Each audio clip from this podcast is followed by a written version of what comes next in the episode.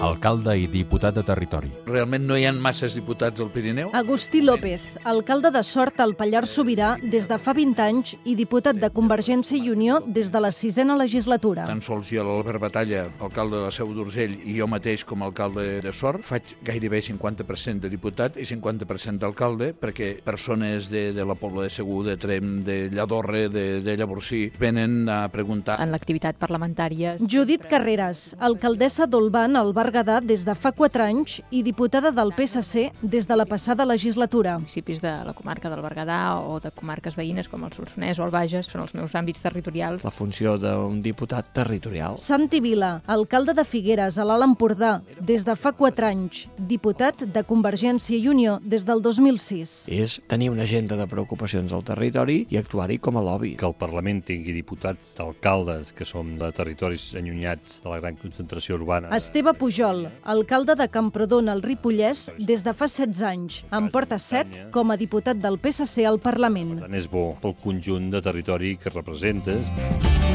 L'experiència municipal és útil al Parlament. Quan es tracta de portar un projecte legislatiu, posaríem l'exemple de la llei d'espectacles. Aquesta visió d'alcaldessa jo crec que ha beneficiat a l'hora de debatre amb altres diputats. Quan fem lleis que puguis aportar aquella visió d'un conjunt de territori de Catalunya, que aquestes sensibilitats hi puguin ser reflectides.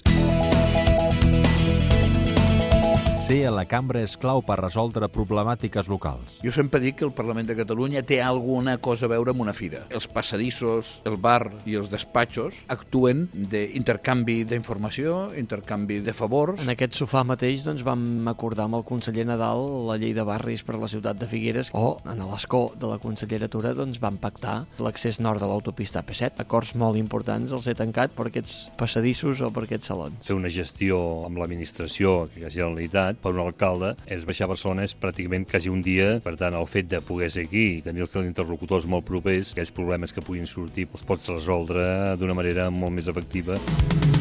A la cambra porta més el barret d'alcalde o el de diputat? Porto els dos, el que passa és que són àmbits complementaris però són àmbits molt diferents. Sí que el fet de ser alcaldessa és cert que és 24 hores i per tant no el tens permanent aquest barret. Quan poso el peu al Parlament, sempre els Mossos d'Esquadra em saluden i em diuen molt bon dia, senyor alcalde. Jo em sento, evidentment, molt més alcalde que no pas diputat. Sempre més el papa la mama, diu tots dos. La feina de l'alcalde, eh, uns 24 hores, és molt més absorbent. L'altre ho és una mica menys, però poder a nivell d'impacte al conjunt del nostre país més important. Cada vegada em sento més diputat perquè abordo problemes de més contingut territorial i per tant cada vegada he pogut fer menys d'alcalde i per això mateix l'he pres la decisió després de 20 anys de deixar l'alcaldia i dedicar-me a ser diputat del Pirineu.